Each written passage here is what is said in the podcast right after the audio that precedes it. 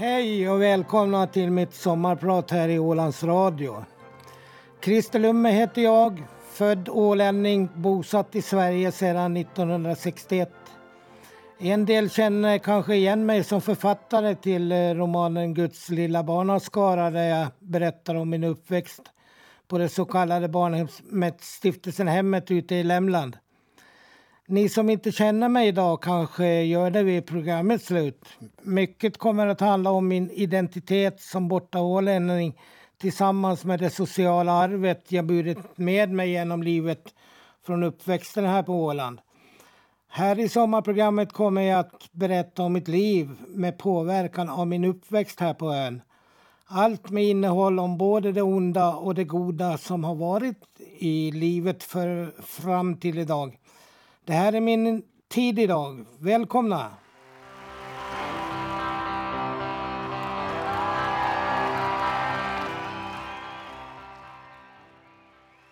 1961 flyttade jag till Sverige mer eller mindre utslängd från barnhemmet i Lämland där jag upplevde min barndom från sex års ålder tills jag fyllde 15.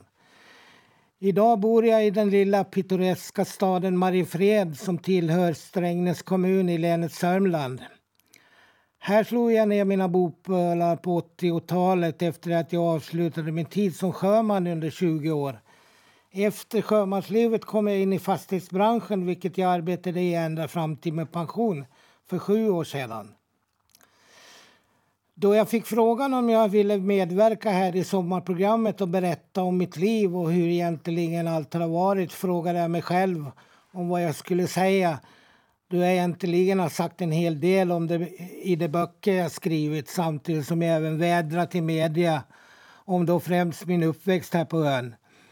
Mitt liv har varit att välja så långt naturliga vägskäl har visat vägen. Man lever och man dör. När man är ung rusar man på. När jag ser tillbaka hur jag levt är det som för många med mig att innehållet om vandringen här på jorden finns det både glädje och sorg som gör livet till vad det är och har blivit. Sammanfattningsvis är jag nöjd hur jag levt och, och vad jag har kvar idag. Skulle jag få leva mitt, om mitt liv skulle jag säkert bli ganska så likt vad jag har haft fram eh, till eh, det liv jag nu har levt. Säkerligen med vissa justeringar. Vad som gäller är att vara den man är och inte föreställa sig. Fortsättningsvis hoppas jag få leva ett par år till innan min livslåga slocknar tillsammans med allt som varit. Man kan inte bestämma hur länge man vill leva. Man kan inte heller välja om man vill leva när man ska avlida. Någon annat finns inte att välja på. Beslutsamt har jag bestämt att jag tänker leva tills jag dör. Tur för människan är att den naturordning har något annat än människan bestämt. I annat fall skulle säkerligen den röra som man kan skåda idag ute i världen vara ännu värre än vad den är.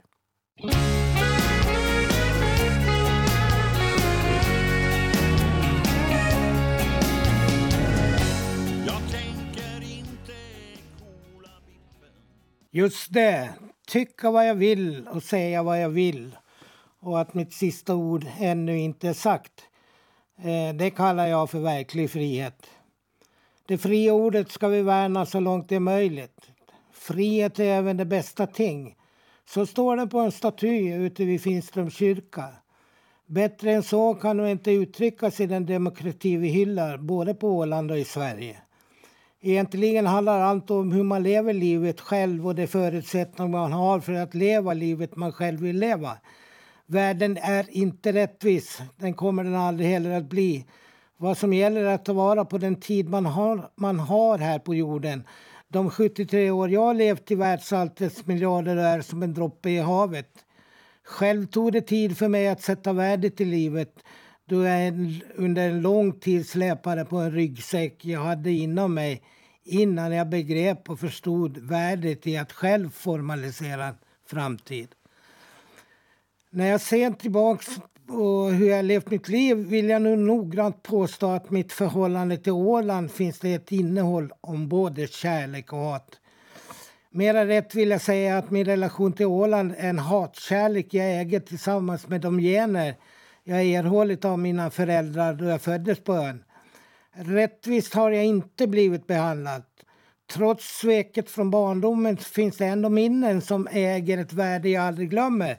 Värdet är att jag trots misshandel och utanförskap fick leva i en naturlig miljö som kompenserar allt det negativa att växa upp på ett barnhem. Här ligger hatkärleken begravd tillsammans med en identitet i att jag är en ålänning i världen. När jag besöker Åland gör jag det idag för att vårda min identitet. Då jag kör färjan kör jag alltid till Skillnadsgatan där jag levde mina första år här på Åland. Uppe i backen stannar jag till och tänker på den tid jag hade mitt hem fram tills jag fyllde fyra år. Alltid känner jag hur jag sedan hamnade en bit längre ner på gatan in på barnhemmet där det åländska samhället sedan efter en tid forslade mig ut på landet till barnhemsanstalten Stiftelsehemmet i Lämland där de bokstavligen stal min barndom. Huset vi bodde på, på Skillnadsgatan är för länge sedan rivet. Den övriga bebyggelsen är som jag minns den ännu kvar. Här får jag alltid en förnimmelse av att min barndom kunde ha blivit annorlunda. Jag minns hur jag hämtade mjölken i en mjölkaffär som fanns på en gata nedanför hemmet. Stolt bar jag mjölkkannan hem varje dag där mina två bröder tillsammans med min moder väntade på att jag skulle dyka upp med innehållet kvar i mjölkkannan. Allt var för mig då en lycklig tid. Här finns det något jag ännu idag vårdar ömt. Så litet men ändå så stort. Jag minns även hur jag längtade efter min far, att han skulle komma hem från sjön med alla de leksaker jag brukade få av honom. Allt var en obekymrad tid jag fanns inne i innan allt raserades och jag hamnade på barnhemsanstalten som jag kallar barnhemmet för. När äktenskapet mellan mina föräldrar upplöstes kom en tid som präglade mig som, som individ långt upp i livet. Orolig och rastlös blev min tillvaro då jag skulle ta vara på mig själv. När ett barn skiljs från sin trygghet är det mycket som händer i barnets kropp och själ. Allt blir en traumatisk tillvaro som aldrig försvinner ur minnet. När ett barn tappar sin trygghet följer detta med hela livet på ett eller annat vis. När ett barn tappar fotfästet i tillvaron lämnar även identiteten individen. Utan identitet blir man rastlös och rotlös. Man finner inte sig själv. Man letar efter något man saknar men som man inte hittar. Långt upp i åldern präglades jag av en orolig tid. Tryggheten försvann totalt när jag hamnade in i samhällets vård fram till min 15-årsdag då jag kastade ut i livet klädd i konfirmationskostymen jag hade konfirmerats i.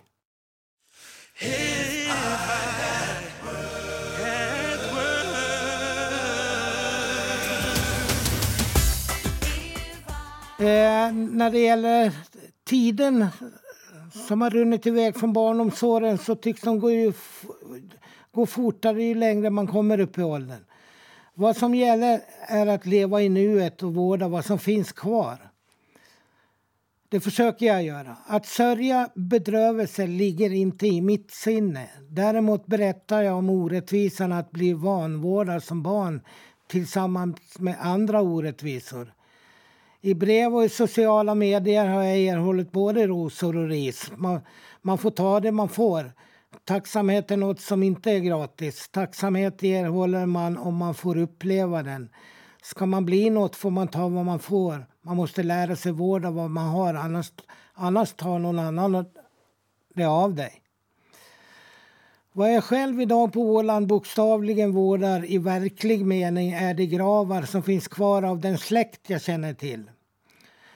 Verkligheten är den att jag har ingen aning om vem och vilka som bär mitt släktskap mer än att eh, det barn jag är fader till.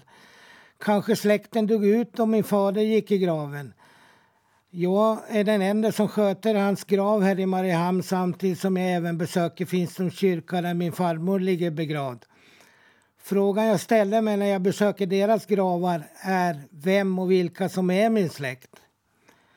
Min egent mitt egentliga släktskap har jag ingen aning om. Den släkt jag förmodligen har vet jag inte heller vilka de är. Ärligt talat vill jag inte heller ha någonting med dem att göra. När jag var barn hörde ingen av sig till mig på barnhemmet. Så varför ska jag leta efter något som inte finns?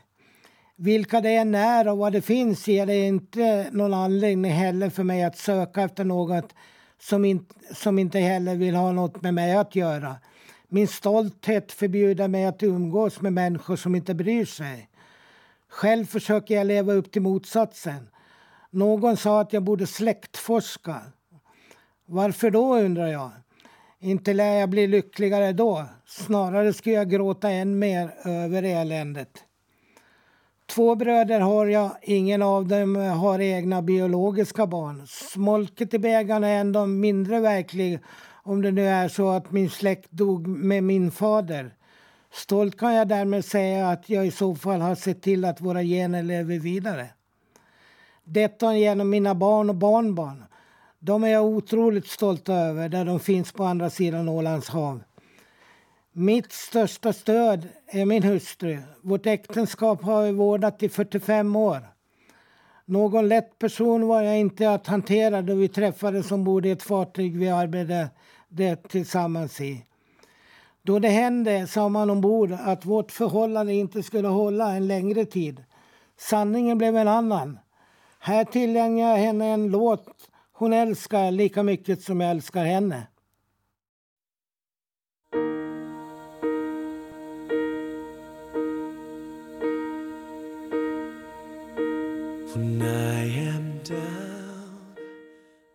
Ja, vackert är det att visa kärlek. Kärlek innehåller i att ge och att få. Att återgå till släktskap är ett faktum som är nog så fattigt. Min verkliga släktskap idag är min fader och hans moder som jag sagt eh, eh, att de ligger begravda här på Åland. Nu skriver jag på en bok om deras liv som på många sätt symboliserar något jag kallar för det sociala arvet. Kommer mer att precisera detta lite senare här i programmet. Min styrka i att berätta erhåller jag vid besök vid deras gravar. Det är två personer jag idag känner stor sympati med men som jag inte erhöll förrän jag började skriva den bok jag nu håller på med att skriva.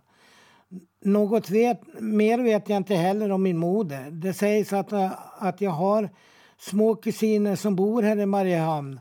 Om de finns så har, jag, har de aldrig heller hört av sig till mig lika lite som någon hörde av sig till mig när jag fanns på barnhemmet i Lämland. Under många år ältade jag släktskapets betydelse samt motsatsen att inte veta om, om sitt eget släktskap med tillhörande ursprung. Fattigdomen att inte veta blev en realitet jag började hata.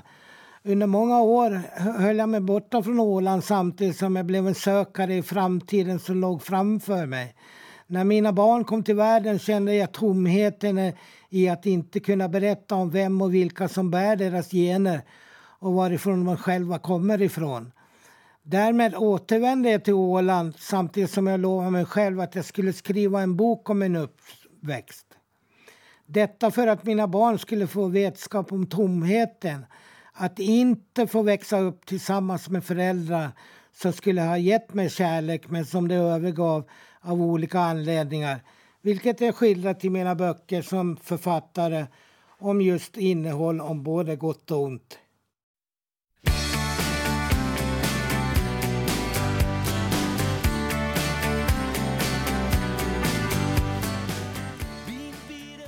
Efter att jag hade varit på barnhemmet i tio år så lämnade jag Åland för att tillträda, som jag kallar tillbaka till ett nytt hem i Sverige.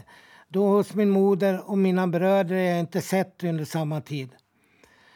Upplevelsen blev att jag fick se den verklighet jag hade i ryggen med mig från Åland som den förlorare jag var från att min moder lämnade mig som barn. Det verkliga sveket kom till mig då jag fick veta att hon hade varit på Åland alla tio somrar jag fanns ute i Lämland utan att hälsa på mig. Då jag insåg att min förlorade moderskärlek tillsammans med broderskapet var en försvinnande tid lämnade jag Sverige efter ett år och for tillbaka till Åland. Många kallade mig vid denna tid att jag for runt i Mariehamn som en orolig ande. Min dagliga tillvaro flöt iväg där jag satt på alla de kaféer som fanns i staden tillsammans med jukeboxar som stod i något hörn där man kunde spela den musik som var utmärkande för 60-talet. Café Gille var ett ställe jag hängde mest på. Oroliga Lumme fick jag heta. Hemlös och utan fast tillvaro visste jag inte vad jag skulle göra. När jag inte hade någonstans att vara samtidigt som hungern trängde sig på i min tomma mage drog jag iväg ut i hemmet i Lämland. Där jag fick vara några veckor innan föreståndaren sa åt mig att jag inte fick vara kvar där. Ännu hade jag inte tagit ställning till den barndom Johanna hade erbjudit mig. Länge skrävlade jag om att vilket helvete jag hade haft. En bok skulle jag skriva och där berätta om Guds lilla barnaskara ute i Lämland som jag sedan skrev med besked först vid att jag fyllde 50. Till slut fick jag nog där jag irrade runt i Mariehamn. Därmed får jag till sjöss. Dagen då jag gick till Sjömansförmedlingen erbjöd jag, erbjöds jag en resa med Algot Johanssons tanker MT Solny ner till Svarta havet för att hämta olja till Finland. Då var jag helt pank. Därmed knallade jag in till Sallibolagets kontor för att begära förskott. Några pengar skulle jag inte få. Envis och tjatig som jag var tänkte jag inte ge mig.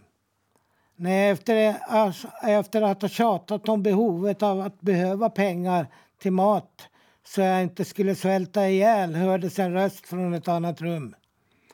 Säg till att pojken kommer hit, var det en man med basröst som myndigt visade på att här var det han som bestämde. Då jag kom in i rummet såg jag en man som stod och hängde tapeter på väggen. Här har du pojk, sa han och räckte mig 50 mark ur den plånbok han höll i handen. Gå in och kvittera, sa han samtidigt som han vinkade med handen att min tid hos honom var ute. När jag berättade om hur jag hade fått mina pengar fick jag veta att det hade varit självaste redaren Algot Johansson som hade förbarmat sig över mig. Glad i hågen med pengar på fickan gick jag på kvällen och såg en gangsterfilm med 50-talets store skådis Eddie Konstantin. Han var en deckare som stod med cigaretten hängande i mungipan tillsammans med ett whiskyglas i handen, tuff och stark. Efter filmen knallade jag ner till gillet och spelade en låt som jag idag minns var den dag då jag tog klivet ut i sjömanslivet samtidigt som många med mig ville vara likadana som Eddie.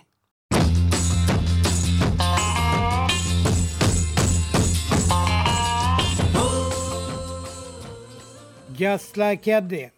En låt som i sommarprogrammet är, är vald av dagens sommarpratare, borta ålänningen Christer Lumme. Just nu berättar jag om min åländska identitet och det sociala arvet jag erhöll efter att ha levat i Sverige sedan början på 60-talet. Dagen efter att jag bokat tiden på Åland flög jag tillsammans med en hel besättning till mitt första fartyg som låg i Helsingfors. Att jag sedan fick sparken av kapten Lindfors ombord i MT Solny som då var Ålands största fartyg efter två resor till Svarta havet där jag uppfattades som uppkäftig då jag bad en överstyrman att fara åt helvetet. Detta med en hel del vodka inombords. I romanen om tvivlaren berättar jag en hel del om mitt sjömansliv som utvecklade mig som person och människa. Hierarkin ombord i fartygen var slående. I fartyget med 50 mans besättning fanns det upp till sju olika mässar där det intog maten ombord. Mässkallemäss, motormansmäss, kockmäss, befälsmäss, underbefälsmäss. Ovanpå allt satt kapten och de övriga högsta befälen i egen salong. Disciplin ombord skulle det vara. Disciplin skulle markeras med klass. Levnadsvillkoren ombord var ännu en ärlighet jag fick lära mig vilket jag än idag har som ledstjärna i vad jag gör och vad jag företar mig. Skillnaden från barnhemmet var slående trots den isolering jag var, var, var van vid därifrån. På barnhemmet var det penalismen med innehåll av angiveri för att få gunst hos föreståndaren som gällde. Sjömanslivets ärlighet fostrade mig till den jag är idag. Någon kapten blev jag inte. En vinnare blev jag på många andra sätt. I sjömanslivet hittade jag min första egentliga familj. Sjömanslivet var något jag anpassade mig och trivdes i. Efter ett tag började mitt medvetande bli att jag såg klasskillnader i fartygen som gjorde att jag även blev politiskt medveten, vilket jag är än idag. Därmed började jag ta ställning mot de orättvisor jag såg. När jag insåg att jag kunde påverka och säga vad jag ansåg var rätt blev jag vald som klubbordförande i ett av fartygen jag seglade i. I sjömanslivet fanns jag i 20 års tid. En nyttig tid som var ett äventyr men som sedan blev en försörjning. Ett citat gott som något från en styrman från Åland innehållande en poetisk tråd var som lyder Här går livets vågor höga, här går solen aldrig ner.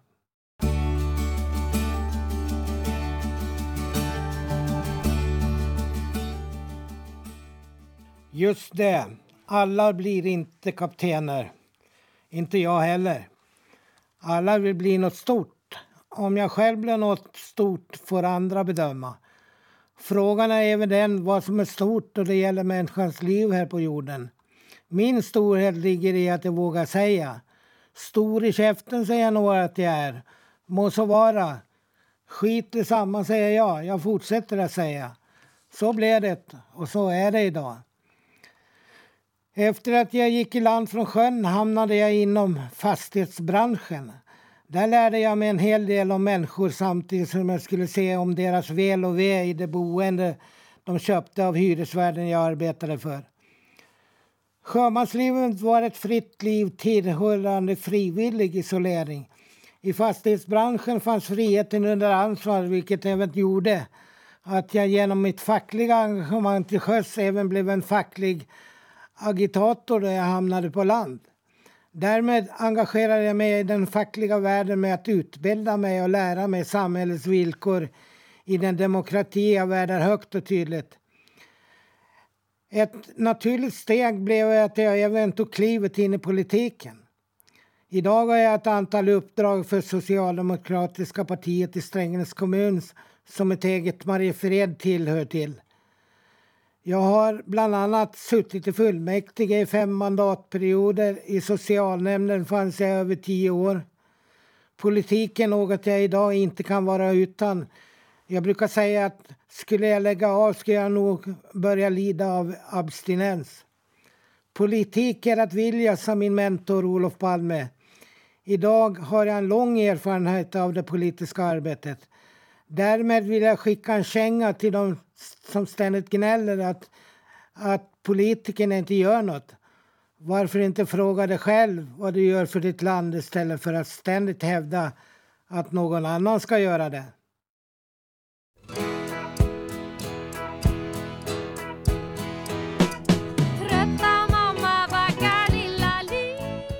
Så är det. Ingen kommer undan politiken. Oavsett vad man tycker eller gör så finns politiken där. Demokrati eller anarki är valet. För 25 år sedan hamnade jag in i socialpolitiken vilket låg mig mycket nära. Erfarenheten från den sociala barn och ungdomsvården blev för mig mycket central en dag för snart 20 år sedan då jag blev uppringd av en man som hette Kent Send. Minnesgoda visidkare eh, känner säkert till halvbrodern till Kent, trubaduren Bengt Sänd. Kent Sänd och Bengt var även som jag uppväxta på Barnhem. Kent hade läst och hört om att jag hade skrivit en bok om Guds lilla barnaskara på Åland. Frågan han ställde till mig var om jag ville engagera mig i en, i en förening han tänkte starta för att påbevisa den vanvård som samhället hade utsatt sina barn för i Sverige. Efter att han förklarat hur det hela skulle bli tackade jag omgående ja till vad han föreslog. Därmed läste jag till Göteborg för att träffa några till som hade samma tankar som Kent hade om att vi skulle se till att den vanvård av barn som bedrevs av staten som ytterst ansvariga i Sverige skulle upp till allmänhetens kännedom. I Göteborg samlades vi på Sveriges en gång största barnhem då, det, då detta begav sig. I ett av annexen till Vidkärs barnhem där det som mest fanns 300 barn intagna beslöt vi oss för att bilda föreningen Samhällets styvbarn som sedan även blev ett riksförbund. Därmed skulle vi föra talan för alla de barn som i gången tid blev vanvårdade av samhället tillsammans med de som även idag är föremål för att samhället ska vårda dem.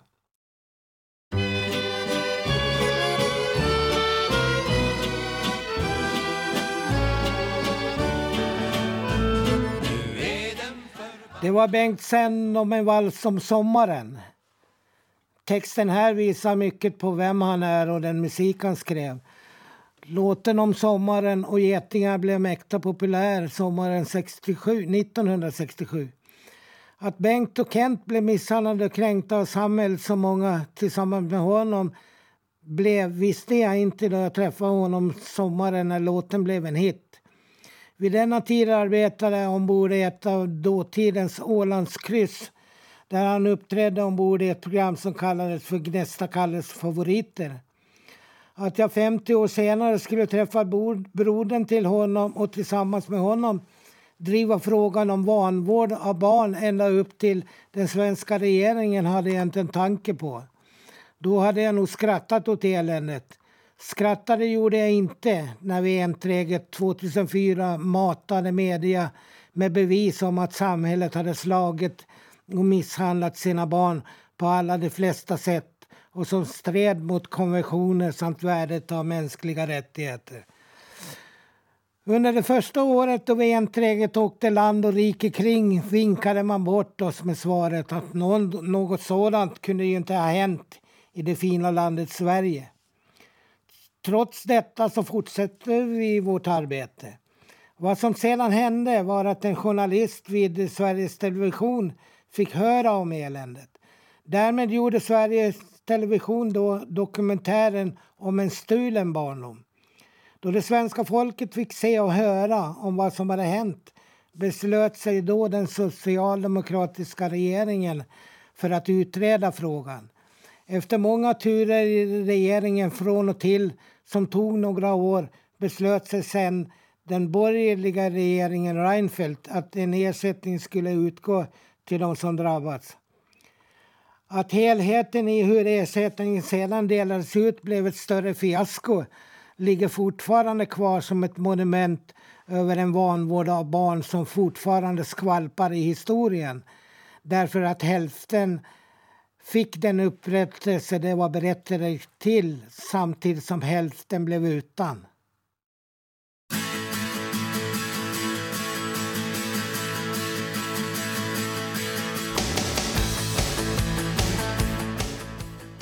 Ja, alla små ting sjunger Carlén Carter om. Stora ting kom det fram till svenska folket och engagemanget om vårt eh, enträgna arbete gav resultat. Vanvården av barn blev stort då den svenska regeringen till slut beslöt sig för att utreda frågan. Ändå slutade allt i en tragedi för oss som arbetade med, med frågan. Därför att samtidigt som Kent Svensson var den mest pådrivande av att få resultat blev engagemanget för honom att verkligheten kom honom i kapp. Två veckor innan regeringen beslöt sig för en utredning så tog han sitt liv.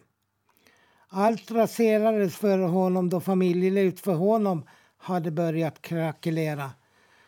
Dagen då jag fick veta vad som hade hänt läste jag på löpsedlarna med stora bokstäver om hur en snusdirektör hade planerat att ta livet av sin familj samtidigt som han även tog sitt eget liv.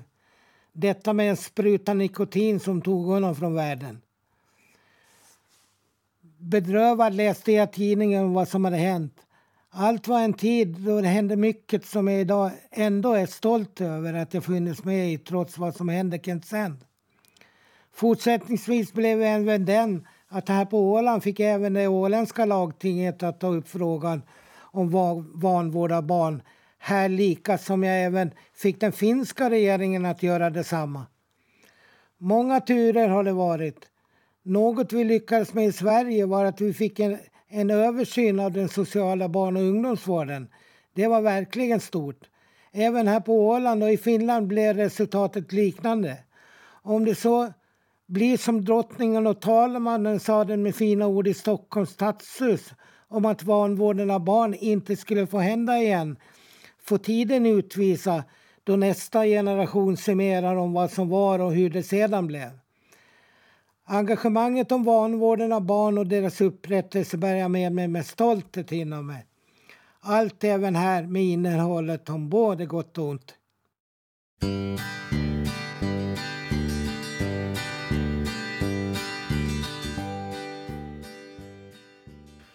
Ett av många öden sjunger Alf Robertsson om. Balladen om Nisse Karlsson berättar om vad som drabbade många av dem som hamnade inom samhällets vård där de blev vanvårdade som barn och som idag finns i vuxenlivet. Många dog i tidig ålder då de inte orkade leva, leva med vad de hade ut, fått utstå som barn. Under min resa om att påbevisa vad som händer då barn inte får uppleva den trygghet ett barn behöver är saknaden av att ha en fadersgestalt som ger dem den trygghet de behöver stort. Jag träffade en kvinna på ett symposium vi höll på med och som i Sverige är känd som fängelsedirektör vid namn Grunevold. Hon berättade för mig vad hon såg i fängelserna och att, och, och att många av dem ständigt åkte ut och in genom portarna. Vad hon hävdade och även såg var att som så kallade kåkfarare saknade de en fadersgestalt. Själv kände jag en otrolig saknad i att jag aldrig hade en fader som jag kunde ty mig till. Aldrig kommer jag att glömma hur jag själv inom barnhemshierarkin mellan barnen fick höra om att min fader var tokig. Min fader var både tokigt och, tokig och en idiot samtidigt som han även var galen därför att han var intagen på Grälsby sjukhus där alla så kallade sinnessjuka på Åland togs in och där en av dem var min fader. På barnhemmet vågade jag aldrig berätta om vem min fader var och var han fanns. Alltid då någon frågade sa jag att han var, han var ute på sjön och snart skulle han hämta mig. Långt upp i åldern hade jag skamkänslor för att jag hade en fader som var intagen på Grälsby sjukhus. Märkligt var att jag inte tog reda på varför han var där han var. Idag känner jag en skam i att jag inte lärde känna honom innan han dog. Kanske hade jag kunnat göra det innan döden ställde sig i vägen.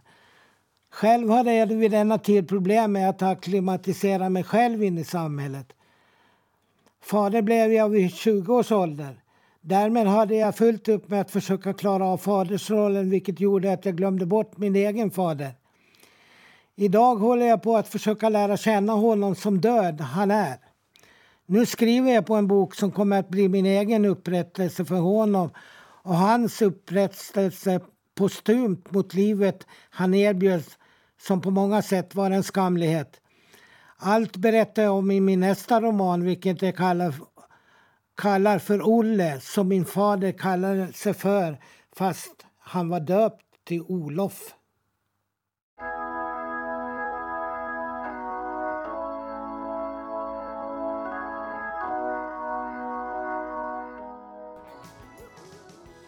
Walk of life, promenad i livet är något vi alla borde se att vi gör. En promenad borde det vara. Ändå rusade vi på utan att stanna upp. Vilket jag inte heller gjorde då det gällde min fader och han var i livet. Livets gång är ord som jag idag trängs in i då det gäller min faders korta liv som ålänning.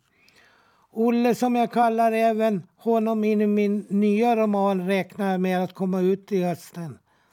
Olle drabbades av sjukdomen schizofreni vid ung ålder vilket även var orsaken till att jag hamnade på barnhem. Jag berättar om Olles väg ut i livet där även han fick dras och konfronteras med sitt sociala arv han hade i bagaget och som han släpade på. Säkerligen var orsaken till att sjukdomen han fick bära utlöstes av vad han hade med sig från barndomen. Sjömannen Olle hamnade på dårhuset som allmänt kallades Grälsby sjukhus för vid denna tid. Där hamnade alla åländska dårar samtidigt som jag själv hamnade på barnhemmet. Likheten var slående mot den barndom jag själv erhöll lika som min fader hade med sig ut i livet. Romanen om Olle skulle ha skrivits först av de böcker jag skrivit. Under åren som gått efter min författardebut har jag vänt ut och in på det sociala arvet vi båda drabbades av. Därmed beslöt jag mig just på att skriva, ta reda på mer om min fader och om hur hans liv egentligen var. Därmed beslöt jag mig för att skriva en bok om honom. Vad som hände då jag började fråga mig om hur egentligen han haft det i livet kom jag på att, att jag inte visste ett dugg om honom. Jag började läsa i arkiv om och hur tiden var då han föddes och hur uppväxten han erhöll i ett fosterhem han hade varit i. Frågor jag ställde mig gav inga svar. Minnen från frågor jag ställde till min farmor då hon var i livet fick bli den tid jag såg framför mig bakåt i tiden. Jag började ställa frågor om det ökända sjukhuset Grälsby sjukhus. Då blev alla släppar slutna. På något sätt kan jag ana att vad som hände på sjukhuset inte är något man vill berätta om. Tydligt visar detta på att Grälsby sjukhus var ett skammens hus, lika som barnhemmet ute i Lämland var. Båda två var alla hus och alla visste fanns men som ingen ville berätta om lika lite som de inte heller brydde sig eller heller hade en aning om vad som hände innanför väggarna där. Fram till idag har jag ställt frågan till de som förmodligen vet. Vad som hände min fader innanför sjukhusets väggar försöker jag få klarhet i eh, med att jag begärde ut hans journaler. Detta nekades mig med svaret om att jag var nyfiken. Så skrev en åländsk tjänsteman till mig där jag begärde att få veta hur man vårdade min fader. Därmed överklagade jag till Högsta domstolen i Helsingfors för att få ut journalerna. Samma svar om att några journaler skulle jag inte få av dem heller. I domskälen hänvisade det till tjänstemannens uttalande från Åland att jag förmodligen var nyfiken. Därmed började jag undra om jag hade varit medborgare i Finland om, eller var det för att jag var svensk jag inte skulle få tillträde till att läsa om hur man vårdade min fader. Frågan jag ställer mig idag är vad det är man döljer. I min bok om Olle kommer jag att berätta om vad de inte vill berätta. I Sverige äger man rätten att få läsa anhörigas journaler, inte i Finland. Därför en gång, vad är det man vill dölja i frågan?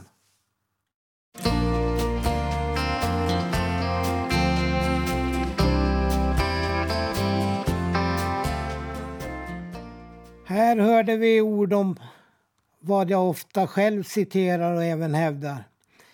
Texten i Afzelius sång om tvivlarna passar till stora delar in på vem jag är och hur jag ofta tänker på vad som är och vad som varit. Tiden börjar nu dra sig till slut här i programmet.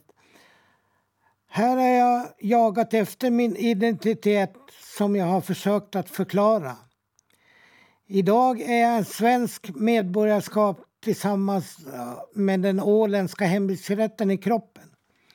Identiteten är ålänningen med det sociala arvet från ön och som jag berättat om här i programmet. Allt har jag inte hunnit med att precisera på de här 90 minuterna jag haft till förfogande. Identiteten är idag att jag är en svensk i både sinne och retorik. Finländare har jag nog aldrig varit. Hävdar starkt att jag är en ålänning i världen om någon frågar. Idag kan jag nog påstå att jag hittar hem, men resan har varit lång. Hoppas med detta att ni har haft en bra tid med mig här i Ålands Radio. Ta väl vara på er där ute. Avsluta med ett ord på vägen.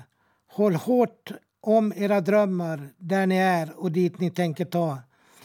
Ha en skön och varm sommar. Tack för att ni har lyssnat. Hej då!